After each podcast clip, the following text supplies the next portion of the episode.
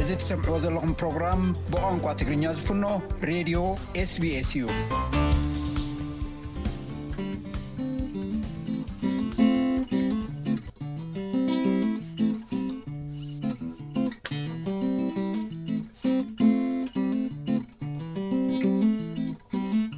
ሰላም ዘኸበርኩም ሰማዕትና ሰማዕቲ ሬድዮ ስቢስ ሎሚ ዕዱምና ኣርቲስት ተጣባቒ ኣሕመድ ኣቡበከር ዓብድርሒም ዝበሃል እዩ ንሱ ኣብ መልበርን እዩ ዝቕመጥ ብዙሕ ዜማታት ኣቕሪቡ ኣሎ ኣብ ዝተፈላለዩ እዋናት ማለት እዩ ንነዊሕ እዋን ግን ጠፊኡ ቀንዩ ሕጂ ዝቕሩብ ግዜ ርግቢ ሰላም ገለ ዝብላ የውፅእ ኣሎ ንምንታይ ካ ጠፊእካ ኣሕመድ ቀዳምነት ዒድ ሙባረክ እንኳዕ ናብ ዝብፃሓካ የቐንየለይ በየነይ መጀመርያ የቐንየለይ ነቲ ዕድሜ ጌርካ ናብዚ ፕሮግራም ዘቕርብካኒ እስኻን ኩሎም ብፆትካ ነዚ ፕሮግራም ዘዳልዩ ብጣዕሚ እየ ዝፈትዎ ከም ኩልና ከዓ መሃራይ ንብዙሕ ሰብ ዘላለየልና ስለ ዝኾነ ቀፅሎ እሱ ከዓ ጽቡቕ ይምነየልካ ንዝመጽእ ግዜ እቲ ኣብ ናይ ምጥፍአይ ከይበጻሕና ኮለና ቁርብ ነብሰይ ከላሊ እንድዒ ክንዲዚ እኳ ኣብርሃም ኣፍወርቂ ይኮንኩን ስለዚ ስለ ዘይፍለጥ ቁሩብ ከላ ነናትኩም ኣለኩም ምስ ናቱ ኣለዎ ናትካ ናትካ ኣለካ ስለዚ ብዛዕባ ኢንስፒሬሽን ናተይ ስለ ዝኾነ ኣሕመድ ኣቡበከር ዓብደርሒም ይበሃል ከምዚ ዝበልካዮ ብኣሕመድ ዓብድርሒም ኢለ ፅዋዕ ኣብ ዓድና ከዓ እንዳ ፍልቢስ ኢና ንበሃል ኣብ ከረን ተወሊደ ግን ብንእሽተይ ከለኹ እየ ወፅ ካብ ከረን ጉዕዞ ናይ ስደተይ ከዓ ብሱዳን ኣቢለ ን ካይሮ ካብኡ ከኣ ናብ እዛ ዓዲ እቲ መብዛሕትኡ ዕድመይ ኣብ ኣውስትራልያ ሜልቦርን እየ መዓስ ኢኻ መፅያ ኣብዚ ዳርጋ ሰላሳ ዓመት ገይረ ስለዚ እቲ እቲ ናይ ኣይደንቲቲ ናተይ ወይ መበቆለይ እኳ ወላ ናይ ኤርትራ እኹንሲ ኣይደንቲቲ ክገብራ እንተኮይነ ነብሰይ ከፋልጣስ ኣውስትራላዊ መበቆልዮ ኤርትራዊ ኢለ እየ ዘ ስለዚ እቲ ኣቀዳድማ እንድዒ ኣውስትራልያ እዩ ዘብለኒ ንምንታይ እቲ ኣብዚ ዓዲ ስፔሻ ከምዝፈልጦ ስቢስ እውን ካብቲ ናይ ማልቲ ካልቸራል ዝበሃል ኣተሓሳሰባ ናብዚ ዓዲ ዘሎ ካብኡ ዝፈረየት እያ ባዕላ ስለዚ ኣብዚ ዓዲ እቲ ካልቸር እቲ ባህሊ ናይ ከምኡ ናይ ባህልኻ መበቆሊኻ ምኽባር ስለ ዘሎ እንድዒ ኣነ ናብዛ ዓዲ መሊሰኒ ንመቦቆልየ መሊሰኒ ኤረትራ ዝፈተኹሉስ ኩነታት ዝፈጠረለይ እሱ እዩ ስለዝስ እቲ ኣይደንቲ ናተይ ወላ ብኹሉስ ዝመላኣለይ ኣውስትራልያ ኮይኑ ይስምዓኒ ስለዚ ቀዲመ ዘባ እንዲ ክስታ ከበልና ካልእ ፅቡቅ ነጥቢ እንዲካ ምፂካ ሕጂ እንታይ እዩ እቲ እስኻ ክሪኦ ከለኹ ስራሕካ ሓሳብካ ውሽጥካ ስምዒትካ ኣብ ኤርትራ ዝገደፍካዮ ኮይኑ ይስማዕኒ ሰላሳ ዓመት ኣብዚ ተቐሚጥካ ግን ክትቁንዞ ብዛዕባ ኤርትራ ብዛዕባ ህዝብኻ ብዛዕባ እቲ ኣብኡ ዘሎ ከርተት ዝብል ኣብ ዝተፈላለዩ እዋናት እውን ኣብ ሲናይ ፋሕ ኢሎም ዝነበሩ ብዛዕባኦም ክትቁንዞ ክትዛረብ ዝእሰሩ ዝግረፉ ብዛዕባኦም ክትሓስብ ኢኻ የሕሊፍካ ኮይኑ ምክንያቱ ተንፀባርቆ ካብቲ ናትካ ስራሓት ማለት እዩ ከመይ ኮይኑ ሰላሳ ዓመት ኣብዚ ተቐሚጥካ ዝበዝሕ ዕድሜ ካብ ዝቢሉ ግን ስቲል ሂወትካ ስምዒትካ ኣብኡ ንምንታይ ተሪፉ ኣፍኮርስ uh, ኩሉ ግዜ um, uh, እቲ እቲ ብውሽጥኻ ዘሎ መንነትካስ ኣይትርስዖን ኢኻ ወላ ረሳዕካዮ እንተመሰለካስ uh, ኩሉ ግዜ ናብ ደምካ እዩ ዘሎ ኣብ ልዕሊኡ ከዓ ኩሉ እቲ um, ብስድራ ይኹን ብኣዝማደ ይኹን ኩሉ ግዜ ኩሎም ብዙሓት ተቃለሱ ኣብቲ ናይ ሰውራ ዝተሳተፉ um, ፈቆዶ ኮፍ በልካስ ወላ ካብ ንእሽተይ ከለኹ እዚኦም ዓበይቲ ክዛረቡ ከለዉ ብጣዕሚ እየ ዝፈቱ ነይረ ክሰምዕ እንታይ ይብሉ ዘለዉ ብዛዕባ እንታይ ይዛረቡ ኣለዉ ሕጂ ካብኡ ዝተለዓለ እዚ ፍቕሪ ናይ ሃገር ናይ ሰብኣዊ መሰላት ብከምኡ ዝሓደረኒ እዩ ኮይኑ ስምዓኒ ኖ ሕጂ በዚ ዕላላት ጥራሕ በዚ ዛንታታት ጥራሕ ትሰምዖ እቲ እቲ ምትእስሳር ምስ ናይ ሃገርካ ጉዳይ ኣይጠፈአን እንዳ ተረረ ኸይዱ ሕራይ ናይቲ ምጥፋእካ ጉዳይ ቁሩብ ፅንሓልና ሞ ሕጂ ድሓን ሃገረ ሕረሲ ናብኣ ክንምለስ ማለት ብዛዕባ ሃገር ስለ ንዛረብ ዘለና ማለት ሲ ሓንቲ ብዛዕባ ሕርሲ ክንዛረብ ተኮይንና ሓንቲ ጥንስቲ ትቕንዞ ትሳቐ ተሳቐ ካብ መወዳእታ ድማ ሓደ ህያብ ናይ ኣምላኽ ክትቅበል ከላ ዝመፅእ ሓጎስ እዩ ስለዚ ምስኡ ኢኻ ኣቢልካዮ ሞ ዕሙቕ ዝበለ ትሕዝቶ ዘለዋ እያ ንዓይ ማለት እዩ ክሰምዓ ከለኹ ቁርብ ርቀት ኣለዋ ዋላ ብቲ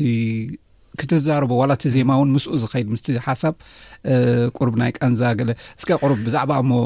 ዲንዲን ኣብለና ሽዑ ናብ ኣክስታይ ክንገብር ብዛዕባ ክንዛረብ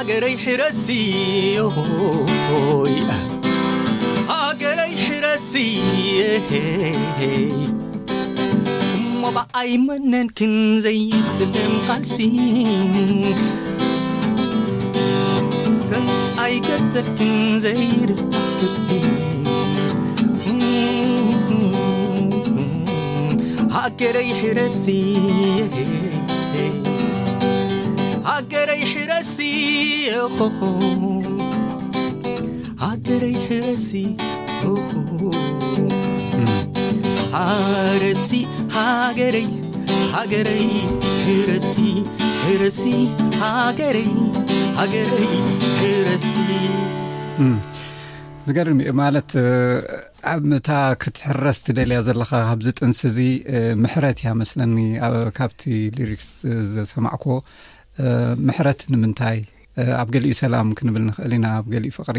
ንምንታይ ምሕረት። እቲ ቃንዛ ሃገርናን ህዝብናን ዘሕልፎ ዘሎ ኣብ ኤርትራ ጥራሕ ኣይኮነን ከኣ ኩሉ እቲ እቲ ቦታ ቦታና ኣብ ኩሉ ዓለም ከኣ ኣነ እቲ ናይ ናብ ኤርትራ ከተኩሩ ከለኹ እሳስ ብዛዕባ ኤርትራ ስለ ዝፈልጥ ኢለ እየ እምበር ግን ኣይንክ ግሎባል ኣተሓሳስባ ኣለኒ ኩሉ ንናትካ ከተዕሪ ከለኻ ኮንትሪቡሽን ኢኻ ትገብር ዘለኻ ንሰላም ኣብ ዓለም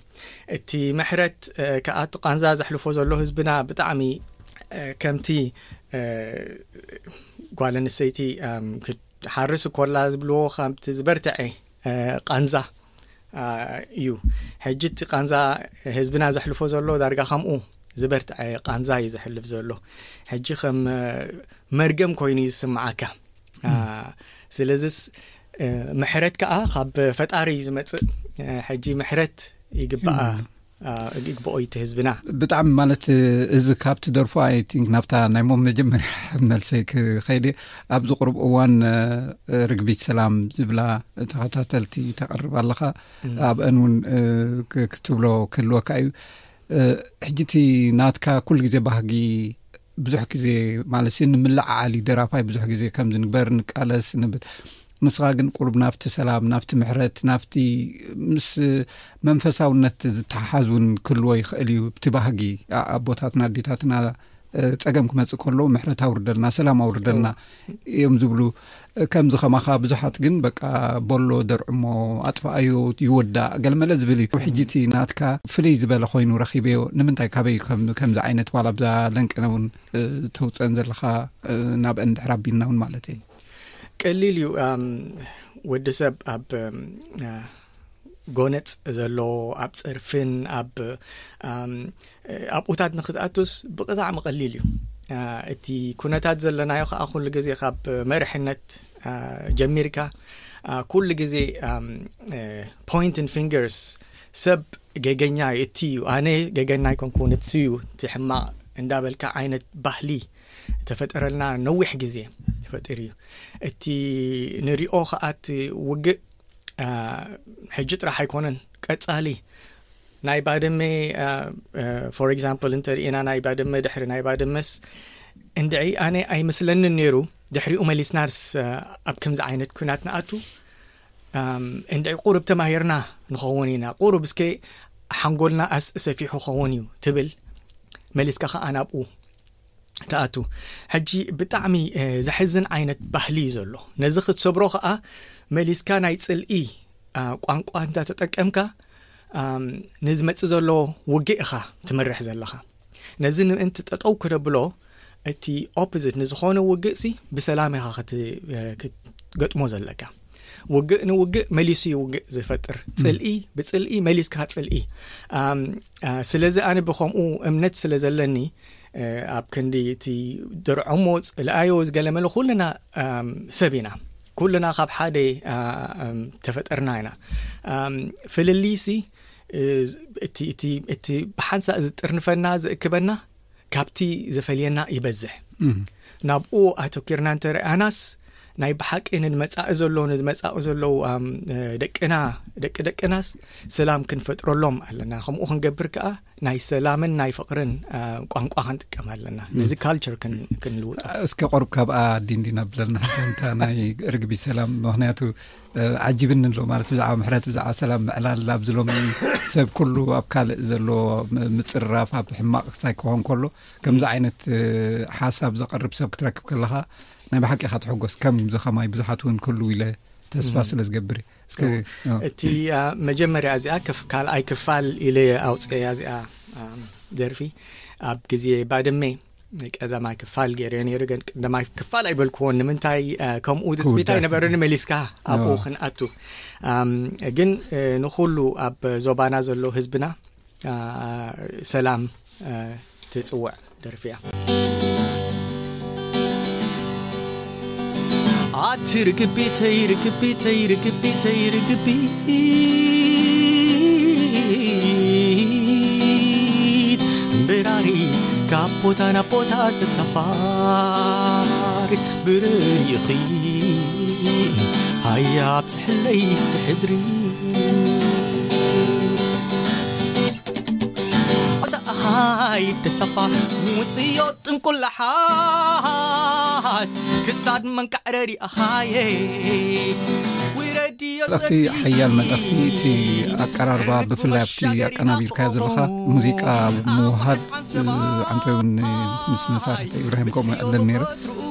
ኣዝዩ ምቁር ክስታ እዩ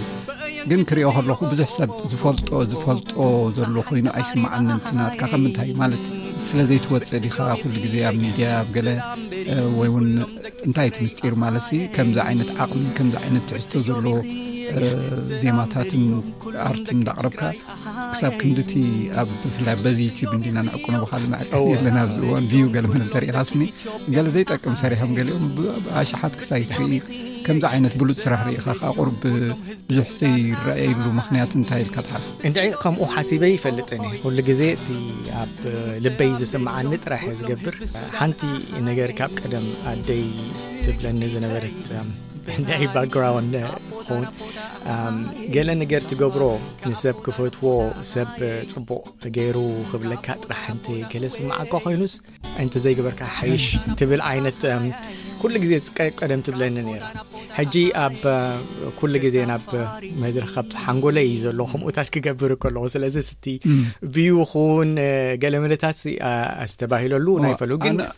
ካብ ክእለት እውን ኸውን እዩ ናይ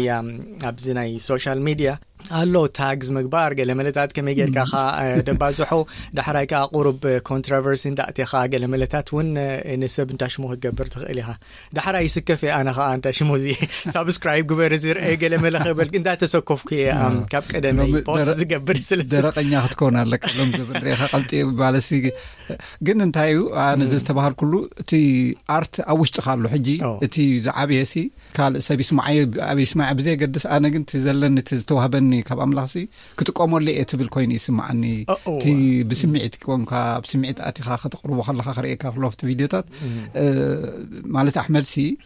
ብዛዕባ ሰብ ዘይኮነስ መጀመርያ ብዛዕባ ነብሱ እዩ ሬፍሌክት ዝገብር ዘለኮ ኢለ ሓስብ ምናልባት ከምኡ ክኸውን ንኽእል እወ ኩሉ ግዜ እቲኣ ናትካ እጃም ዓባይ ትኹን እሽተይ ትኹን እሳኻ ትገብር ኣነ ከዓ ክደርፍ ከለኹ ወላ ኣጀማምራይሲ ካብ ቆልዓ ከለኹ ወላ ኣነ ዘይዝክሮ ብዙሓት ሰባት ወዲ ክልተ ዓመት ሰለስተ ዓመት ኮለካ ትደርፍ ኢካ ነርካ ብሉኒ ሓሓሳ ኣነ ኣይፈልጥን ግን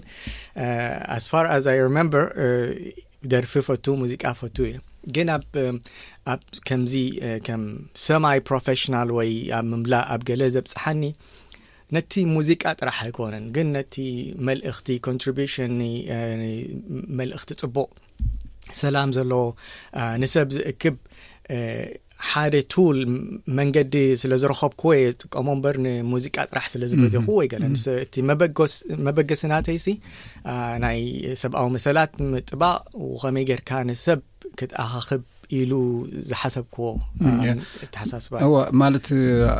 ከም ዝበልካዮ እቲ ትሕዝቶ እውን ከምኡ እንድዩ ኣብ ምጥባቂ ማለት ሲ ኣክቲቪዝም እውን ናብኡ የተኩሪ ትሰርሖ ዝነበርካ ውን ምስ ስለዝተሓሓዝ ማለት እዩ ኣብ ርእሲኡ ናይ ቋንቋታት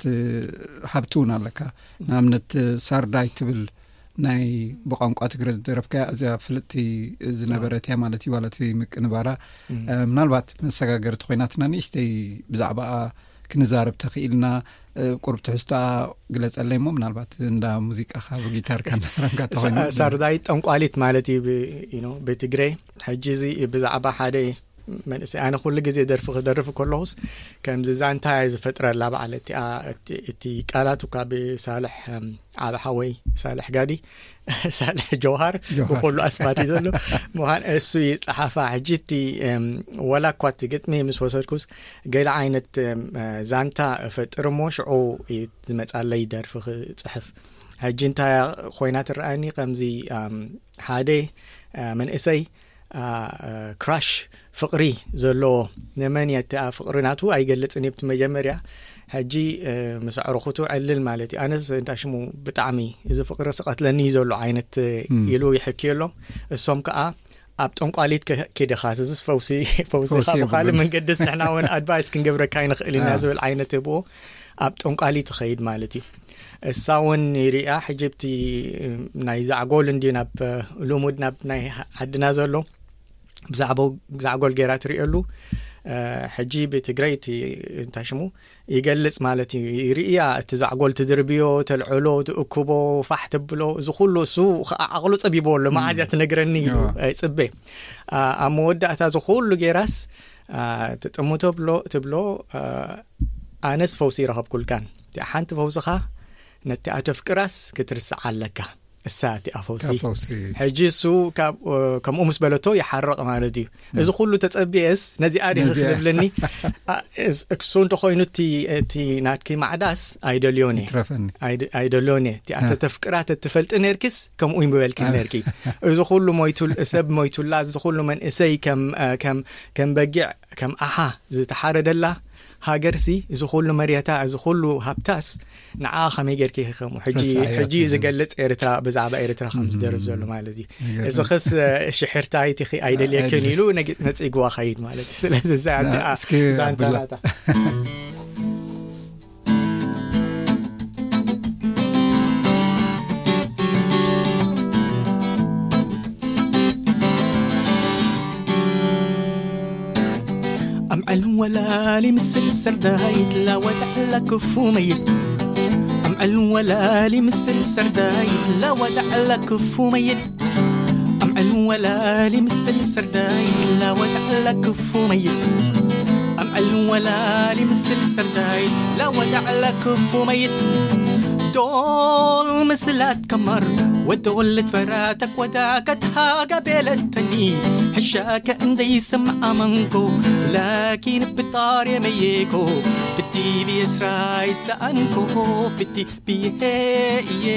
ካብ መጀመርያ ኣልበም ኣውፅካ ካብ ብዙሓት ግን ኣብ ብድሕሪኡ በብእዋን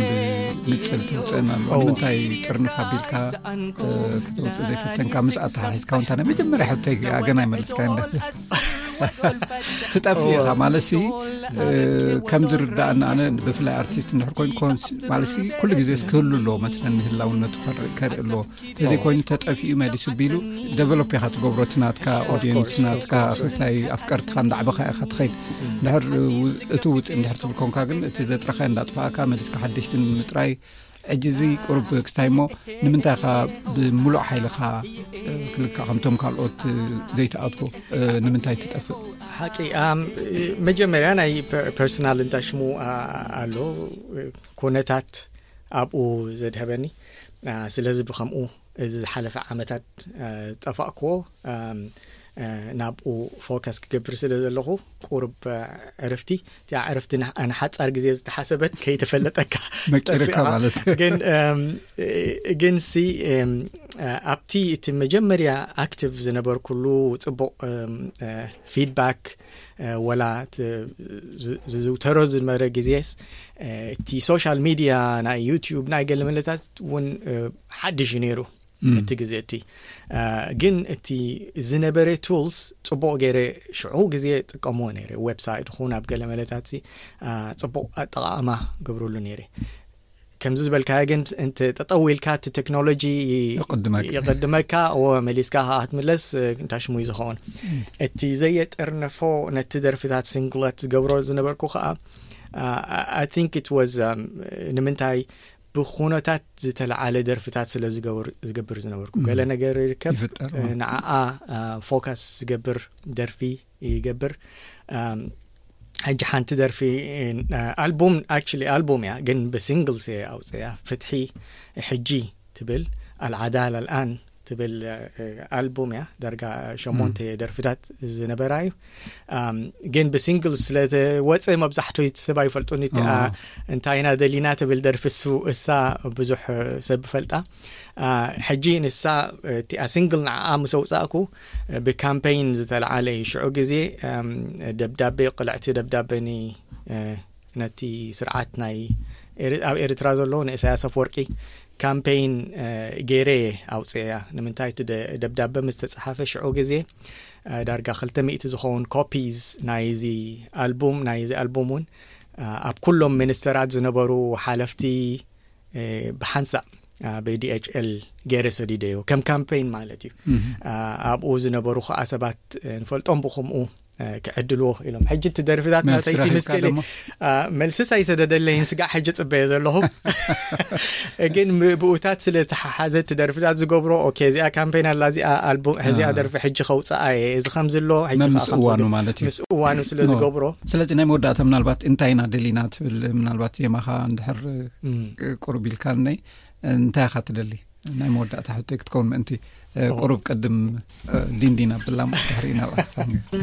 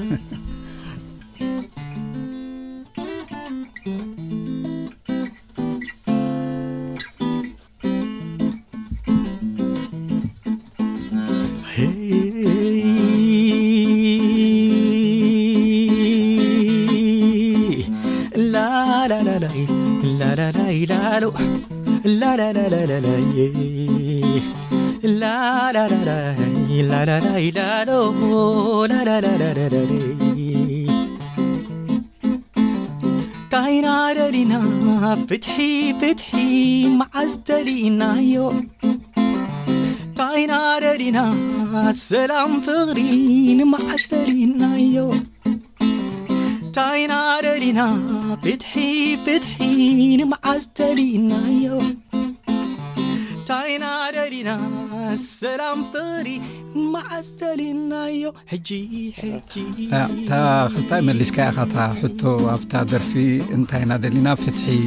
እታ ደርፊ ብዙሕ ዓመታት ገይረ እያ ካብ ነዚ ሕቶ ሕዚ ካብ ትሓትት እሞ እንታይ ይመስለካ ሕጂ መዓስ እያ እዛ ፍትሒ ትደልያ ዘለካ እዛ ዝሓትትካ ትምለሰሉ መዓስ ኮይኑ ይስማዕካ ብ እዋን ኣብዚ ሕጂ እዋን ኩሉ ግዜ ፅቡቅ እኻ ትምነ ተስፋ ክትቆርፅ ይብልካ እቲ መልእኽትኻ ከ ትትኣምነሉ ነገር ሎሚ ኹን ፅባሕ ኹን ድሕሪ ፅባሕ ኹን ድሕሪ ዓመት ኹን ወላ ብ ህወትካ እውን ኣይኹን እቲ ትኣምነሉ ዘለኻ ነገር ግን እቲ መልእኽቲ ስጠጠው ክተብሎ የብልካ በዚ ኣጋጣሚ ከዓ እን ሓንቲ ኣብኡ ኣይበፃሕናን ኣለና እቲ ዝሕዝን እውን እንድ ንኩሉ እቲ ቦታናስ ኤርትራ ዘይኮነስ ኣብ ኢትዮጵያ ኣብ ሱዳን ኣብ ገሌ ኩነታት እውን እንዳኸፍአ እዩ ዝኸይድ ዘሎ ከምዚ ዝበልኩ ዓንተቦ ድሕሪ እቲ ውግእ ናይ ባድመስ መሊስና ናብዚ ንበፅሕ ኣይመስለንን ሓንቲ መልእኽቲ እንተላ ነቲ ህዝቢ ናይቲ ዞባና ኩሉ ኣይንክ ኣብ ኢዱ እዩ ዘሎ እቲ መፍትሕ ኣብ ኢዱ እዩ ዘሎ እቲኦም ብመርሕነት ኣይተዓደልናን ብኩልና እቲ ህዝቢ ግን ፈልጥ እየ ናይ ብሓቂ እምነት ኣለኒ ፅቡቕ ህዝቢ ምዃኑ ንፍቕሪን ንሰላም ዝፈትኹ ምዃኑ ህዝቢ ናይ ብሓቂ እየ ዝተኣማመን ሕጂ ሓንቲ መልእኽቲ እንተላ በጃኹም ከምዚ ንሪኦ ንሓደ መራሒ ወይ ገለ መለታት ምድጋፍ ኣብ ውግእ ዝስዕር የለን ዝሰዓር ጥራሕ እዩ ዘሎ ኩሉ ግዜ ከዓ ንሪኦ እቲ ዝሰዓር እቲ ህዝቢ እዩ እቲ ዝኸስር እቲ ህዝቢ እዩ እቲኦም መራሕቲ ሓንቲ ይኮኑን እዮም ኩሉ ግዜ ሎሚ ከመይ ገይረ ዝርድኦ ኣብ ንዕኦም ክጥዕመኑ ከሎ ውግእ ንዕኦም ክጥዕመሙ ከሎ ሰላም እቲ ህዝቢ ከዓ ኣጣቕዕ ጥራሕ እዮም ዝብልዎ ከምዚ ሓንቲ ከም ዘይተረኸበ እዚ ኩሉ ኣማእተ ሸሓት መንእሰያት ሞቱ ከም ሓንቲ ከምዘየሎ ኣጣቕዕ እዚ ኩሉ ህንጻኻ ኩሉ ነገር እንዳፈረሰ ከሎ ከም ወላ ሓንቲ ከም ዘየሎ እዚ ኩሉ ደቂ ኣንስተዮት ዕመፃ ንኣሽቲ ቆልዑት ኦርፋን ዝኾኑ እዚ ኩሉ እንዳርእና ከሎናስ እሶም ከም ወላ ሓንቲ ከም ዘየለ ፅባሕ እውን ክተሓቐፉ ክተዓዓሙ እዮም እሳት እያ መልእኽቲ ኩሉ ግዜ ዝብላ ሕጂ ደው ክብል ኣለዎ እዚ ነገር እዚ ደው ክብል ከዓ እቲ ሰብ ክተሓቐፍ ኣለዎ እቲ ሰብ እቲ ህዝቢ ሓደ ኢድ ኮይኑስ ኩሎም ክነጽጎም ከም ዘለዎ እየ ዝምነ ህዝቢ ኤርትራ ህዝቢ ትግራይ ህዝቢ ሱዳን ህዝቢ ኢትዮጵያ ብኩሉ እቲ ኣብቲ ቦታ ዘሎስ ሓደ ህዝቢ እዩ ሰላም ዝፈቱ ህዝቢ እዩ ስለዚ እዚ መልእኽቲ እዚ ዓው ኢሉ ክዛረበሉ ከም ዘለዎ እየ ዝሓትት ኣሕመድ ዜማ ወይ ኣርቲስት ጥራይ ዘይኮንካሲ ናይ ብሓቂ ተዛራቢ ማለት ናይ ብሓቂ እየ ዝብለካ ዘለኩ ከምዚ ኣይተፀቦ ከምዚ ኣደርፍካ ብዛዕባ ስራሓትካ ጥራየ ግን ዘለካ ፍልስፍና ግን ኣብ ውሽጢካ ዘሎ ክትብሎ ትደሊ ብግቡእ ጌርካ ትዛረብን ፅቡቅ ሓሳብ ዘለካ ከምምዃንካ ውን ክርዳእ ክኢለ ማለት እዩ ስለዚ ናይ ብሓቂ ዕድለኛ እየ ንዓካ ኣብዚ ስትድዮ ዓዲመ ከምዚ ዝኣመሰለ ዕላል ክገብር ነዊሕ እዋን እዩ ነይሩ ማለት ዓሰርተ ዓመት ገለሲ ቀደም ኢና ክንገብሮ ዝግባኣና ምክንያቱ ኣብታ ጥቃና እንዳሃለኻ ግን ብነብስኻ ውን ጠፊእካ እንዲኻ ስለዚ ንሕና ጥራይ ኮና እንተሓተቲ ክንከውን ንኽእል ሞ የቀኒየለይ ምናልባት ናይ መወዳእታ ብዜማ ካቢልካ ንድሕር ተፋኒኻና ደስ ምበለን ዝመረፅከያ ሕጂ ኣነ ኮንኩን ዝመርፀልካ ሕጂ ጠፊኡና ኣብኡ ከሎ ዒድ ግዜ ዒድ ስለ ዝኾነ ጸሎት እያ እዚኣ ብዓረብ እያ ነቲ ፈጣሪ ከምቲ ዓድቦ ዝበልናዮ ምሕረት ካብኡ ኢና ንሓትት እሱ ከዓ እዩ ዝኩሉ ክሕግዘና ዝኽእል ንኣምን ስለ ዝኾንና ስለዚ እሳ ክደርፍ ደሊ ጽቡቅ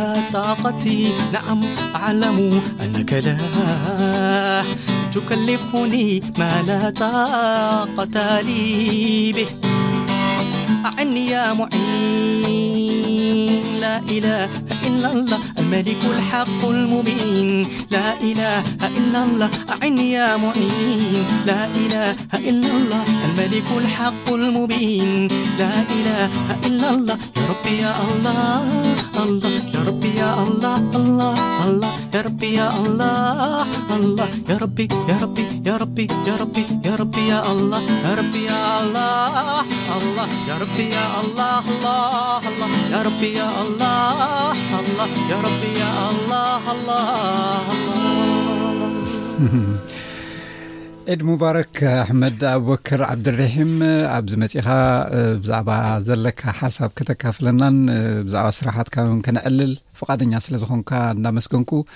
ደጊመ ንዓኻን ንብምልኦም ስድራ ቤትካን ሰላምን ጥዕናን ዒድ ሙባረክ ይቀኒየለይስስ ትግርኛ ኣብ ሬድዮ ኣብ ኦንላይን ከምኡውን ኣብ ሞባይል